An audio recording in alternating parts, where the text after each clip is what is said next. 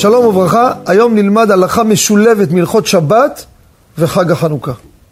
קנינו לכבוד שבת, יום שישי, סופגניות, חמות טריות. רוצים לכבוד שבת קודש, מה עושים? אז אתה לא מקפיא. שבת רוצים לשים אותם על הפלטה. ואז הם יתחממו, יאכלו אותם חמים. הם מותר או אסור? אמת שרבותינו הפוסקים כתבו, גם מהספרדים, גם מהאשכנזים. אשכנזים דיברו על מחם, אותו רעיון. שזה מותר, מדוע? סופגניה נקראת כול רובה יבש. מה זה רוב? רוב זה לא 51 אחוז. רוב, רוב.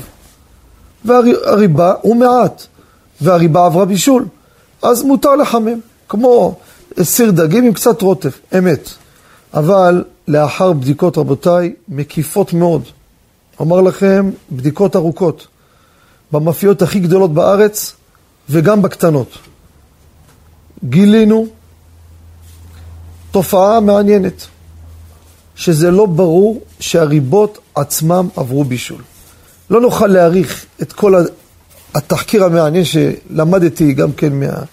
מה גם הכימיקאים וגם מבעלי הקונדיטוריות.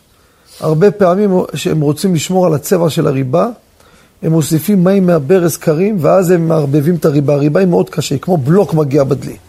בלי מים אי אפשר להזריק אותה. והמים האלו הם מים לא מבושלים. כשאתה תשים את הסופגניה על הפלטה, אתה מבשל מים בשבת. זה מעשה גמור, זה לא פסיק קשר בכל החשבונות שיש מנסים לומר. זה מעשה גמור. אתה לוקח את זה, שם לחמם את זה עם כל התכולה שלו. מי שישים את הסופגניה בשבת על הפלטה, עובר על בישול בשבת. לכן, מי שלא יודע איך ירבבו את הריבה, שלא יחמם את הסופגניה על הפלטה בשבת. תודה רבה וכל טוב.